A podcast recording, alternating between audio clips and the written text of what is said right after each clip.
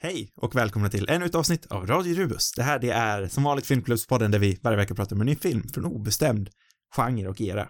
Jag heter Oskar och som vanligt sitter jag här med min gode vän och kollega Sam. Goddagens. Och den här veckan så firar vi faktiskt, är det två år vi har poddat nu?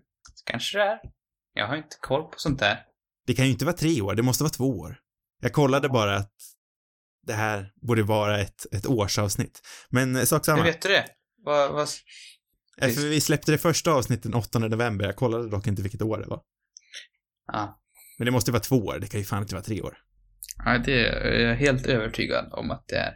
Då är det vårt tvåårsavsnitt, så grattis till dig och mig. Tack, tack. Eller vad man säger. Varsågod. Eh, och det ska vi fira med att eh, kolla på Sams film Booksmart från 2019, regisserad av eh, regidebutanten Olivia Wilde. Mm. Eh, så eh, packa med era leksakspandor så kör vi. Oj. Oj. Vad snuskigt. Sam, Mm. förklara för mig. Vad handlar Booksmart om? Just det, där hade jag glömt bort att det var min puck. Ja, Jag håller ju på tårna. Ja. Eh, det handlar om... Vad går de ut för någonting? Är det här är high school? Nej. Jo. Koll, nej, jo det måste det ju vara. Fan, jag klarar inte det här med amerikanska skolsystemet. Det är inte riktigt min starka sida. Även fast jag typ ganska nyligen kollade upp hur det låg till. Ja, de, de, det är sista dagen på high school. Och de här två tjejerna som jag inte kommer ihåg vad de heter just nu. Fan vad dåligt. Amy och Molly. Ja, ser du? De eh, inser sista dagen att, att, eh, eller de får en uppenbarelse. Det är väl, eh, vänta vilken är vem? Är det Amy som får uppenbarelsen? Är det det som är Beanie? Beanie... Nej, det är Molly. Fan! Ingenting rätt. Ja, Molly, hon inser att, eh, alltså de, de har varit väldigt duktiga i skolan kan man väl säga och inte festat en massa och sådär utan varit seriösa och lagt all sin tid och kraft på att göra skoluppgifterna. Och, eh, men när Molly inser att, att även om de här stökiga eleverna i klassen som har festat en massa ändå har fått bra betyg och kommit in på de fina skolorna, då slår det slint. De känner, nu måste vi fan passa på, det här är sista kvällen. Vi måste festa i kapp hela våran high school-tid. Ja, men där har vi premissen ändå. Yes, jag kom dit till slut. Det var jobbigt. Jag känner mig helt, jag klarar inte av att göra mer nu.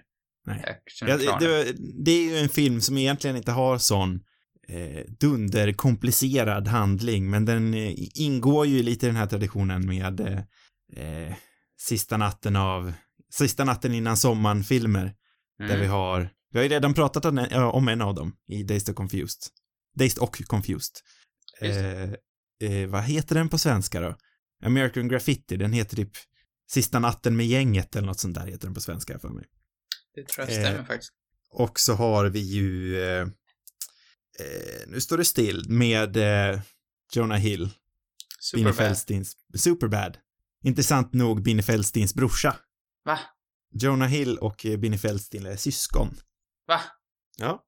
Nej. Jo. På riktigt? Ja. Oj. Vilken... Nej men... Shit. Vilken... Oj, det här var liksom veckans avslöjande. Ja. Årets avslöjande kanske till och med. Men, men varför, varför heter Jonah Hill, Hill för? Varför heter han inte... Varför heter de inte lika för? Vem, vem är det som har ett artistnamn? Eh, Det måste väl vara Jonah Hill antar jag, för Feldstein känns inte så artistnamnigt. Jävla Jonah Hill alltså. Ja, Jag är väldigt så glad nu. Det här var liksom... Ja. Ja, nej, men de har lite samma, jag, jag gillar verkligen båda två. De har lite samma, lite samma charm. Mm. Eh, nej men eh, jag tycker också att den här filmen verkligen förtjänar en plats med de där tre andra nämnda filmerna eftersom den här ändå är, jag tycker varje, varje en av de här filmerna är en, liksom hör hemma i sin tid. Mm. Eh, Sista natten med gänget är liksom väldigt den tiden. Eh, Dazed and Confused är väldigt 90-tal, även fast den utspelar sig i 70, 70-talet tror jag. Eh, och Mm. Superbad är väldigt eh, 2006 kanske? Ja. Och den här filmen är väldigt 2019 skulle jag säga på eh, alla de bästa sätten utan att kännas eh, liksom pandering för nya hippa kids så, så känns den väldigt 2019. Det är ju en mer realistisk eh, jag tror väl att det var mycket det de eftersträvade också. Det är ju inte en film där folk är ingrupperade i de här klassiska John, Hughes, John Hughes-grupperna. Mm. Utan det här är nörden, det här är sportkillen, det här är, utan den bortgår liksom väldigt mycket från det och eh, egentligen handlar den ju om att man inte ska, eller man, man det är liksom okej okay att bryta ut ur sitt fack. Mm. Alltså de här fack, det är någon sorts kritik egentligen mot hela den konstruktionen. Eh, Exakt. Med fack. Precis. Det är väl inte att de bryter sig ur, ur sitt fack, utan snarare att de aldrig egentligen har tillhört ett fack. Jo, men jag skulle väl säga att de ändå, jag tycker i alla fall att vi får jo, inte alltså, se... det är klart, samhället har ju placerat dem i ett fack, men de har liksom aldrig hört till det facket. Det var, det var det jag menade. Jo, jag tänker i alla fall att det är det, alltså det är det filmen är innan den börjar. Att eh, Molly och Amy själva har liksom satt in sig i det här facket, även fast de inte behöver göra det. Och under filmens gång inser de att fuck, det är ju fan ingenting som finns på riktigt. Mm. Men det är min tolkning. Jag tänker att Amy och Molly kanske har levt lite mer i en John Hughes-värld, medan de nu under filmens gång bryter sig in i en Olivia Wilde-värld. Så tolkar inte du det alltså? Jo, så är det. Alltså det är klart man är, man är, alla är väl på något sätt också fast i sitt fack. Även om man kanske inte känner sin fulla tillhörighet till det. Det är väl det som är lite problemet. Men det är väl ingen människa som känner sig, som har en sån enkel bild av sig själv, att, att det funkar att sätta en sån, sån eh, label på en sån pers ens person på något vis. Det var väl det jag menade bara. Nej, det är väl ingen vuxen människa som har den synen, men jag tänker att eh... Men ha, jag, eller ja, jag vet inte, jag pratar förstås från min egen, mitt eget perspektiv, men jag vet inte, är det någon som liksom bara ser sig själv som en nörd till exempel, eller som en sportkille? Men det är det som är intressant med den här filmen, att eh, våra huvudkaraktärer är väl egentligen, i brist på bättre ord, skurkarna. Mm. För det är de som liksom har placerat in alla andra i den här relativt, de är ju rätt så trångsynta, som det kommer fram. Mm. Ja, det är de så. som dömer alla andra för att de har kul och, alltså de tänker ju att man kan inte ha kul och plugga, men det är det de andra har insett och det går mycket bra för dem ändå. Och under filmens gång så får ju våra huvudkaraktärer en mer eh, grå eller färgglad syn på livet, utan det är inte så svartvitt som de tänker. Nej. Nej, men det är rätt. Det är väl det som är deras resa de tar. Nej, men det är väl också det som, som man som tittare också ska känna, att, att eh, på något sätt avslöjas. Man har ju själv samma sorters fördomar kring de här olika typerna, eller som man har, liksom de här olika facken som man har lärt sig existera på något sätt. Så att det är ju både hudkaraktärerna och som tittare själv, att man liksom får upptäcka att det inte är så enkelt. Jo, men hon utmanar, eh, manusförfattarna och eh, Wild utmanar ju alla liksom konventioner man har fått etablerade i bland annat populärkultur. Ja, och sen bryter hon igenom de vallarna ganska starkt. Eh, vad var det som fick dig att välja den här filmen? Det kändes kul att prata om någonting som var nytt. Det känns som att den fick ett väldigt gott mottagande och jag hade inte lyckats se den på bio heller så nu var det dags kände jag. Jag eh, såg den här på bio och då så var jag ganska säker på att det är, eller var, min favoritfilm i år. Och eh, jag skulle nog fortfarande säga det att det fortfarande är min favoritfilm i år än så länge i alla fall. Jag kan inte säga det för att jag liksom, jag hatar det här att komma efter på grejer. Jag, jag kommer ihåg att jag såg den här trailern och kände, ah den där ska jag se, den här såg lite härlig Sen så missade jag en bio och så har alla snackat om den och så är man inte med i snacket. Känner man sig utanför och efter och, och sen så klarar jag, jag har jättesvårt, jag har väldigt svårt att se film på något sätt med, men jag, jag vet inte, jag tycker det är jobbigt att, upp, att se filmer efter man har hört av all, eh, eller hört snacket. Det blir också att man hamnar i, man har också hört så här alla argumenten om varför det är en bra film. Att, eh, att den bryter mot, eh, mot de här olika facken och att det är en ny sorts, att den är fräsch liksom, att den, den gör någonting helt nytt utav den här genren och ja men du vet alla kommentarer som, som har figurerat i alla medier. Och, och då är det också svårt att på något sätt skapa sig en, en mer eh, instinktiv känsla av vad man tycker om filmen, utan jag har väldigt mycket de tankarna i bakhuvudet liksom, ja, mer, försök, mer så objektivt vad, varför filmen är bra. Förstår du vad jag menar? Mm, mm. Och det, det, det är lite, synd kan jag tycka, för det här är verkligen en sån film som, som jag tycker man kan älska både på ett, på ett objektivt plan men också på ett mer personligt plan, liksom mer känslomässigt älska. Men jag, jag, jag tror många är svag för den här typen av, av filmer. Men det, det, är liksom en härlig film på, på så många sätt så att den är det är svårt att ogilla den tycker jag. Ja, så alltså det är ju en genre som i princip alla kan identifiera sig med oavsett hur gammal man är. Alla har ju varit i den här åldern. Mm. Och alla har ju gått igenom den här perioden då man, man är sin fasta klass som man ändå har, det har varit typ ens familj. Åtminstone tre år om inte mer. Mm. I Sverige kan man ju ha varit ihop med en klass, ja men vissa människor har man varit med från sex års upp till till nian. Vissa kan man ju till och med gå ända upp till gymnasiet med, mm. fram tills man är 18. De människorna har man ju spenderat majoriteten av sitt liv med. Och det är ju en otroligt viktig och essentiell del i allas liv ändå den här dagen då den här splittringen väl sker. Mm. Så det är därför de är så, så universella som du säger. De, de är lätt att tycka om. Ja, absolut när de är välgjorda. Det finns ju många sådana här filmer som är totalt värdelösa också, som inte mm. lyckas eh, fånga alla eftersom det kanske är, är mer plastiga karaktärer eller att det, det kanske är karaktärer man själv inte känner igen sig i. Eller om det är de här väldigt liksom enkla rollerna med nördar och sportkillar och vad det nu är för någonting liksom.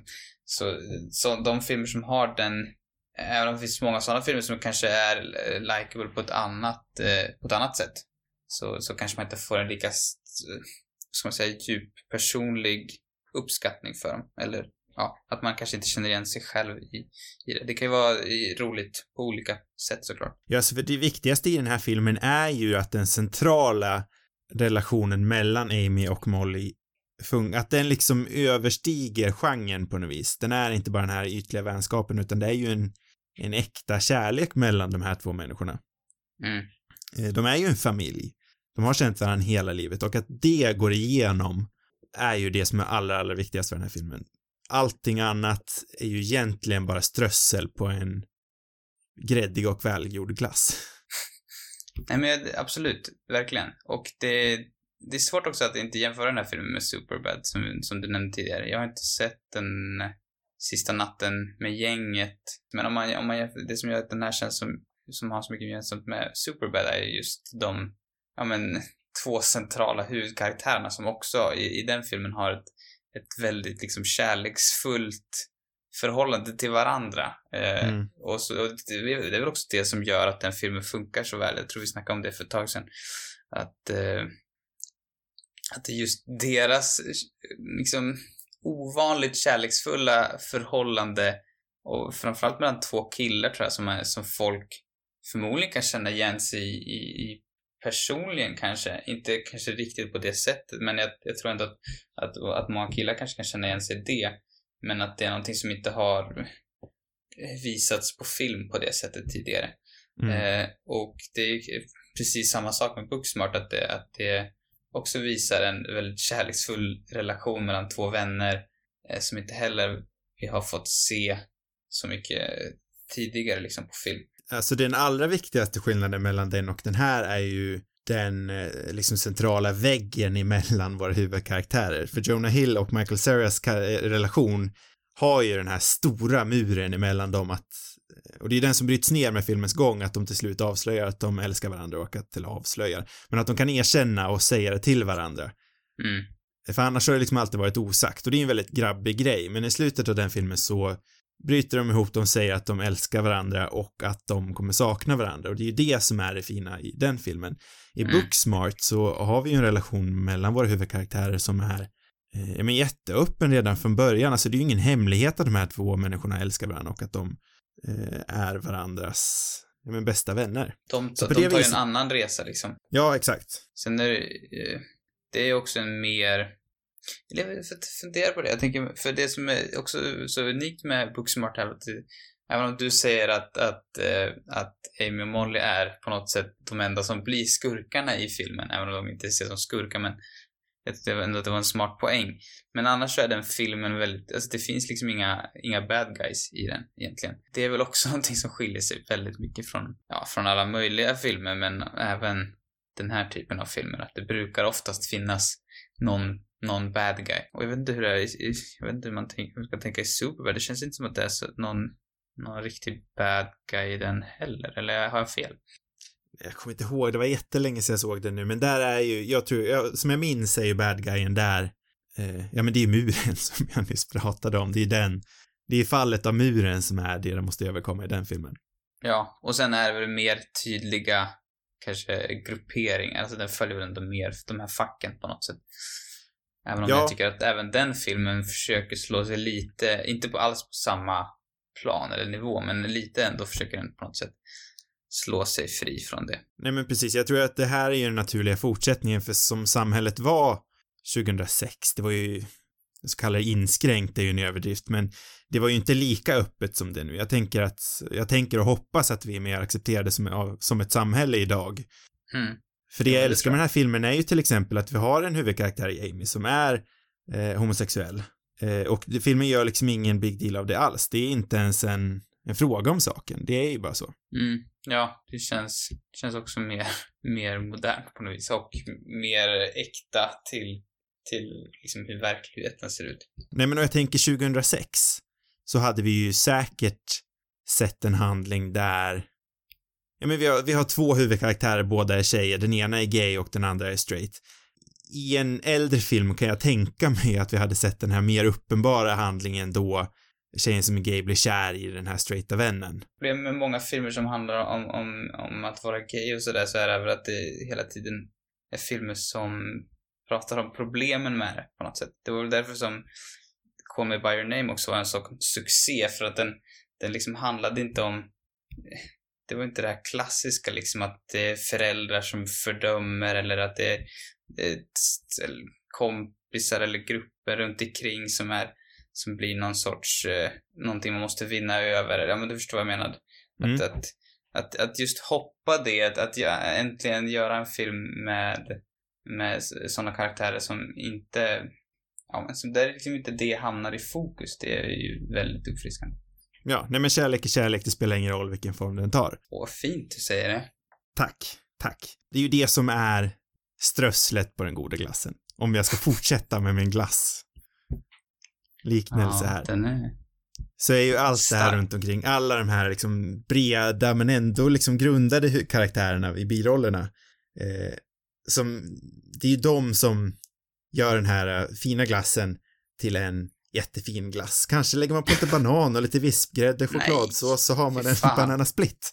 Det är ju jätteäckligt. Jag tycker att det är helt okej. Det är inte min dröm efterrätt direkt, men jag skulle ändå anse att en bananasplit anses relativt lyxigt. Gör det? Jag vet inte. Jag tycker det är bland det vidrigaste som Gå, finns. gå med mig bara. Nej. Vi har gjort, vi har gjort en glass ännu lyxigare. Du kunde väl haft olika strössel bara eller någonting?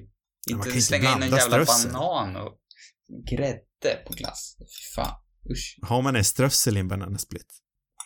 Nej, men du snackade Man om glass maräng. från början. Ja. Ja, ja, sak samma.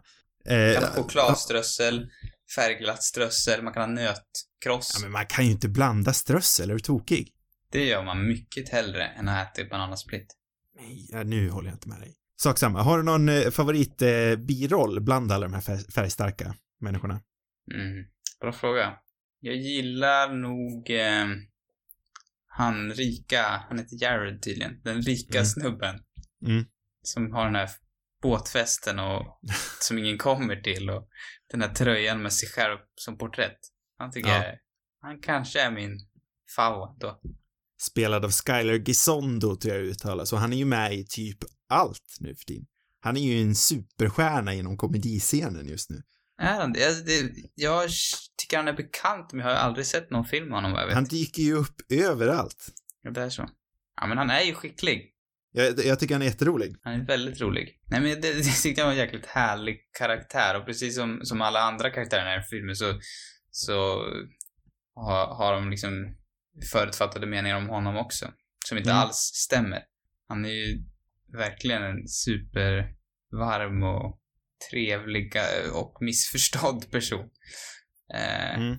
nej, men nej, han kunde jag verkligen känna för av någon konstig anledning. Jag tror hade de inte bryter ner väggen för han också sen och haft den här scenen då han eh, avslöjar vem han är och hur han haft det Eh, Mm. Likaså med hon eh, som de kallar för Triple A, nu kommer jag inte ihåg vad skådisen heter. Ja, Hon är också fantastisk. Ja, eh, där har de ju också en, en scen där de liksom bryter ner. Båda de två tycker jag är otroligt bra. De, de är liksom kanske de komiska höjdpunkterna nästan i filmen. Jag tycker de, jag tycker när de är med blir väldigt roligt. Jag tycker ju faktiskt, nu kanske jag kommer med en till liten, Ja, vem är din favoritkaraktär? Det vill vi också veta. eh, Eller ja, favorit, favorit subkaraktär eller vad man ska säga.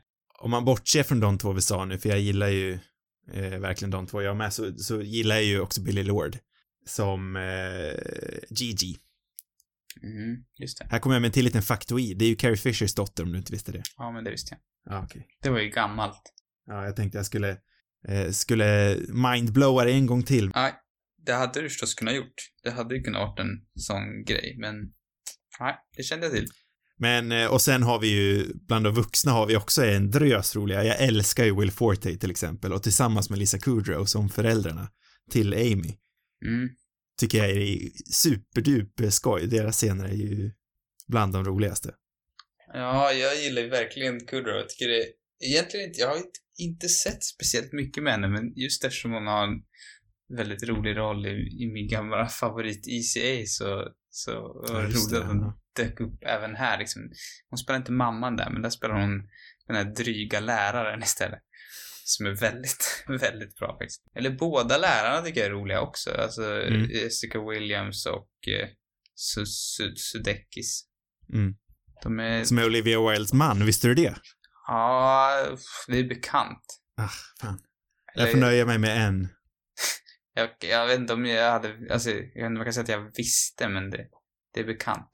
Det, förvå- det chockar mig inte, om man säger så. Nej, okej. Nej, okej. Jag har nog hört det, men jag, har, jag kanske inte har känt att det var det viktigaste att lägga Ja. på minnet. Egentligen så blir det ju lite onödigt för jag, det, jag gillar alla biroller. Det är knappt en biroll i den här filmen jag inte tycker om. Jag tycker alla är briljanta och rollsättningen är ju underbar.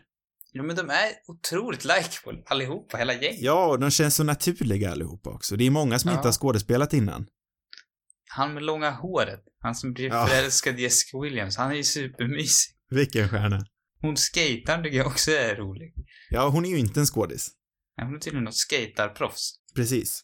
Egentligen, det vi inte har pratat om, som vi kanske borde prata om, är väl för det första Olivia Wilde som regissör, men också de två huvudrollerna. Mm. Jag vet inte vart du vill börja någonstans. Eh, vi kan börja med huvudrollerna när vi ändå pratar om skådisar. Mm, vad tycker du om dem? Håller de måttet? Det blir ren hyllning det här. Jag tycker de är skitbra. Ja, vad spännande om jag tycker de är dåliga nu. Jag får försöka hitta det innan mig. Leta, leta reda på något klagomål. Nej, men Ja. jag tycker ju, bara introduktionen av de här två säger ju allting. Den här scenen då Binny Feldsteins eh, Molly kommer ner från eh, trapporna i sitt hem, de här motellaktiga lägenhetskomplexen där. Eh, och de dansar till, eh, till musiken och så eh, ja men klipper vi från musiken så ser vi att de bara står och dansar till tystnad liksom. Och det är skitskoj och det säger ju allt om deras relation. Mm. Nej, Jag, jag tycker den är, de är superbra båda två. Och om du kommer med en fråga om vem som är min favorit kan jag inte svara dig. Oj. Svårt. Tydligen så var den där första scenen var en spontanare. Har du hört det? Nej, det har jag inte hört. Skulle, jag vet inte hur, ja, de hade någon annan tilltänkt tror jag, öppningsscen, men som inte de kände passade, om jag minns rätt. Så, och hade de liksom, ja men, lite tid över och de lyckades. Tydligen gjorde de den där rutinen liksom varje, eller jag vet inte om de gjorde det, men de, de hade väl, alltså de, de bodde ju tillsammans, eh, Mm. Deaver och, och Felstin under hela inspelningen. Och I nio hade- veckor tror jag de bodde ihop. Ja, och de hade någon, någon de hälsade väl på varandra på något, vet du varför skulle de hälsa på varandra på om de bodde ihop i och för sig? Konstigt, det är någonting som inte håller med den här historien. Det är min återberättning av Olivia Wildes historia som inte håller. Ja, skitsamma. Det, det var i alla fall inspirerat av någon av deras kemi kanske, off camera. Och då valde de att, att filma den här scenen liksom på en, på en timme typ. Utanför en, på en, en location de hade använt till något annat, tror jag. Mm. Så den var väldigt spontan. Det var min fun fact där. Det är ju en av de starkaste scenerna i filmen, så det är... Nej! Jo, Ness, jag tycker faktiskt att det är det, för den säger så himla mycket. Men det? eh, ja. lägg också märke till att så en av dem, inte den. Det var, det var ett chockartat uttalande jag inte kan ställa mig bakom. En Nej, jag tycker det är en briljant öppning på en film. Jo, jag tycker det är var- skitbra. Bland de bättre introduktionerna till två karaktärer vi har sett på länge. Vad tycker du om de här två karaktärerna? De är skoj tycker jag. Ja. Det är skoj. Ja, vad ska jag säga för någonting? Vi, vi sätter punkt där. Nej, nej, ja, de skoj. Nej, men jag tycker det summerar. De har väldigt bra kemi, måste man väl säga. Mm. Och eh, de har liksom nästan för bra kemi för att man ska orka lyssna på intervjuer med dem. Ja, jag har faktiskt inte sett någon intervju med de två, men Nej, men jag hörde någon, det var en Empire-intervju med de två, tror jag, som jag lyssnade på. Och då, de Ja, är liksom så, den har du väl hört, eller har du inte gjort det? jo, då har jag säkert hört den, men glömt bort den. Alltså de är liksom, de har så stark, de är så, så här glättiga och glada och bara liksom, jag vet inte, de bara snackade. Det var nästan jobbigt att lyssna på dem samtidigt för att de hade liksom för bra kemi. Men eh, verkligen, de behöver inte spela helt enkelt. De bara kör känns det som. Det är ju fantastiskt. Eller ja, de spelar ju såklart, men de behöver inte spela den här eh, kemin de har mellan varandra. Men det krävs ju också den här eh, otroliga relationen för att vi sen ska köpa eh, det korta upp, uppbrottet. Ja. Men det, jag, jag tycker vi kan snacka om det lite senare när vi har snackat om Olivia Wilde som regissör. Det känns som vi snackar om det ofta, men även här tycker jag det är en väldigt liksom, säker debut på så många plan. Det som jag varit så här, o, eller glatt överraskad av var att jag tyckte liksom rent eh, visuellt att den var så stark.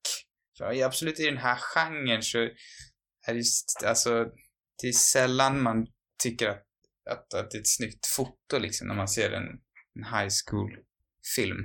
Men jag, jag tyckte verkligen att det var ett snyggt foto i den här filmen och det, och eh, liksom hela, det känns som det fanns ett tydligt, eh, en, en tydlig stil och eh, visuell känsla som liksom genomgick hela filmen och också vissa, det fanns ju flera scener som men var liksom häftigt rent stylistiskt. Till exempel den här drömdanssekvensen som kändes lite La La Land eller någonting. Mm. Eh, och, och även vissa andra. Ja, men mycket, alltså det vart jag imponerad av från en, en, första regissör. Att, att, både kunna göra det här väldigt bra dramat, men att även liksom ha, ha koll på, på filmens visuella känsla. Det, det tyckte jag var imponerande. Ja, den fångar ju känslan så otroligt väl. Alltså det är ju en film det här i, i den sannaste benämningen, för den fångar ju även det visuella tillsammans med manuset, tillsammans med ljudet, för ljudet och musiken är ju centralt i den här filmen och det är en film, vi säger det hela tiden, men jag brukar ha lite svårt ibland. Egentligen låter det nog som att jag har svårare än vad jag har, men jag, ibland kan jag ha lite svårt för sådana här jätte, jättesoundtrackiga soundtracks. Mm. Men i den här filmen funkar det verkligen, så den, den här filmen använder ju allt. Spännande ändå för att, eh, för att jag kände nog att det kunde bli lite mycket ibland. Jag, jag som inte brukar vara, känna så. Men det var kul att du inte kände så för en gångs skull. Ja, nej, jag tycker det är så jäkla bra. Hon använder liksom alla grepp hon har. Nästintill till perfektion. Eh, Och jag tycker särskilt när hon väl når klimax där i, eh, på husfesten. Mm. Det är liksom så fruktansvärt bra. Den här scenen i poolen som hon tydligen, eh, som producenten inte ville ha där i. För i manuset stod det tydligen att hon hoppar i poolen, eh, ser skatertjejen och den här killen hångla, sen så går hon upp. Men det Olivia Wilde gör, som hon även kämpade för att behålla i filmen, är ju att hon, hon gör det till någonting så otroligt frigörande på något vis.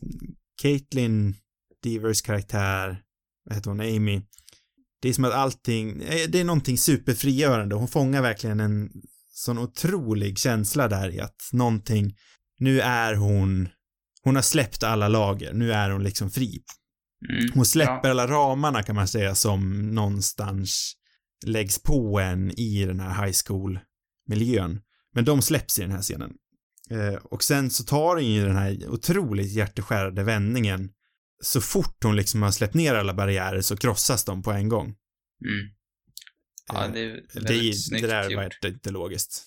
När hon har släppt alla barriärer så krossas de. Ja, du fattar vad jag menar. Nej, men alltså, jag tycker också det. det. Det är en otroligt välgjord sekvens. Och även där, både liksom tematiskt och visuellt slående. Det är faktiskt, jag hade inte ens tänkt på det, men det är faktiskt en av de liksom bästa scener. Det är ju en stark, en av de starkaste scenerna i filmen. Som hon sen uppföljer med den här, eh, jag menar otroligt, om vi säger att eh, poolscenen är frigörande och stark på något vis, så blir den här långtagningen efteråt då hon, eh, ja men den här steadicam-långtagningen då hon går igenom huset, den blir ju på något sätt så otroligt svag och eh, jättekänslosam. Nej men hon blir ju, för hon, eftersom hon har släppt allting hon har som skydd, så är hon ju Mm. extra sårbar där eftersom hon har släppt allting. Mm. Och det förstärks bara med den här långa tagningen, för det är man inte van vid med, pub- som publik, så man blir på något vis, vi blir lika skärrade som hon är i det ögonblicket. Vi får följa hennes känsligång. Mm. Jag tycker det är otroligt liksom skickligt. Och återigen, hon använder alla greppen i verktygslådan och utnyttjar dem till perfektion. Mm. Och den här sårbarheten bräckas ju bara ännu mer sen när hon bråkar med sin bästa vän för första gången. Det, det känns som att det är för första gången någonsin, det vet jag ju inte, men de har ju inte riktigt bråk, alltså allting de kanske känner lite grann förstärks ju och eh, de uttrycker väl kanske tokigare än vad de borde ha gjort. Mm. Där, det, jag tycker det är liksom så, bättre än så där kan det knappast bli och det är främst därför jag är så imponerad av, av Wilde som regissör. Ja. För absolut, mycket av den här filmens styrka ligger ju i, manuset också, det ska jag inte förneka. Alltså, manuset i den här filmen är ju skitbra. Men jag tror att i en eh, svagare hand så hade det inte varit lika bra. Det känns som vi måste kritisera någonting nu. Det tycker jag vi har varit lite väl positiva. Den, en, den enda kritiken jag har är att de, den här eh, grejen som får eh, Amy att eh, släppas ur fängelset på slutet. Mm. Det här att de lämnar in pizzakillen som eh, är strypmördare. Jag tycker det är så jävla roligt. Ja, det är skitroligt. Men, jag vet inte, du, mär- märkte du affischen innan det? Ja, jag tror det. För jag tyckte det var skitskoj när man bara såg affischen, om det bara hade varit en liten detalj i bakgrunden. För jag tycker de, det behövs ju som sagt för att de ska komma ut ur fängelset, så de måste ju nämna det. Men när de sen får, när de liksom nämner det out loud, Mm. då blir det lite för uppenbart. Jag tyckte det var roligare bara när det var en liten detalj i bakgrunden. Det är min enda kritik som egentligen inte är en kritik. Ja, det var verkligen en... Det var inte mycket kritik där. Du känns Men- ju eh, kanske lite mer kritisk än vad jag är. Vad har du för något? Det enda kan väl vara att, att, att den här liksom huvudhandlingen, eller vad man ska säga, de... Mm eh, ja, men att de, är, att de ska liksom ta sig till den ultimata festen. Ja, men det är lite sam, det är väl samma grej som Superbad egentligen, att de, de, där ska de försöka få tag i, i sprit till den här festen som de har lovat, men det är liksom det de strävar till, att nå den. Och sen sker, ja, lite grejer och sen är det slut. Nej, men jag vet inte, att, att den har den kanske lite väl använda grundpremissen på något sätt. Men jag vet inte, det är ganska svag kritik egentligen. Men, men att man kanske känner igen, ja, strukturen är väl ändå hyfsat bekant. Det är väl ingenting som, som chockar där tycker jag. Det är väl möjligtvis det. För mig är det ett icke-problem. Jag tycker det känns Eh, onödigt kanske- att leta problem om det inte finns några problem. Den hade kunnat vara roligare också, tänker jag. Jag tycker den är skitrolig. Ja, men ja, jag, jag gapskrattar nog aldrig. Jag, jag garvar på flera ställen. Jag försöker leta efter petiga grejer nu, men jo, alltså, jag, jag skrattar också, men alltså, det finns ju filmer som är rolig, alltså som är ännu roligare. Ja, men samtidigt, alltså behöver den vara det? Jag tänker inte riktigt Nej. att det. Nej, jag, jag bara försöker kämpa här. Jag, jag älskar den här filmen går från att vara brutalt ärlig och liksom sårbar och till att vara fantastiskt rolig. Den bryter ju stäm... Den kan bryta stämningen sådär, men det känns aldrig onaturligt. Ja, nej men det är bra. Fan vad kul. Eh, Jag vill bara prata lite om den här eh, stop motion-sekvensen. Mm. Det, det är ju inte så långsökt egentligen, men det var ingenting jag tänkte på, men i eh, en eh, podd jag lyssnade på, eh, antingen var det The Director's Cut eller The Treatment med Elvis Mitchell, en av de två var det, så eh, pratade Oliver Wilde om att det blir ju eh, den att de tar vid, vid den här, i den här sekvensen så tar ju Amy och Molly den fysiska manif- manifestationen av eh, patria, patriarket. Patriarkatet heter det. Patriarkatet heter det. Eh, de tar den fysiska manifestationen av patriarkatet och en av dem gillar det. Mm. Och jag tyckte bara det var så spännande för jag hade inte tagit den, det är en uppenbar läsning men det var ingenting jag hade tänkt på själv. Jag tyckte bara det var otroligt spännande. Mm.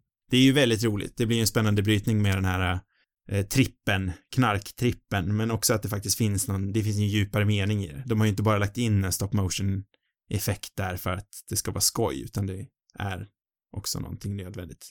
Det är något, Mm. finns någonting matnyttigt i det.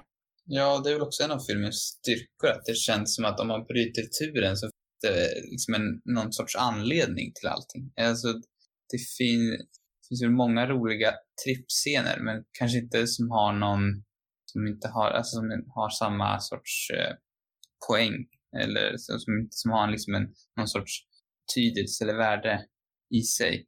Mm. Min favorit eh, trippscen någonsin, tror jag.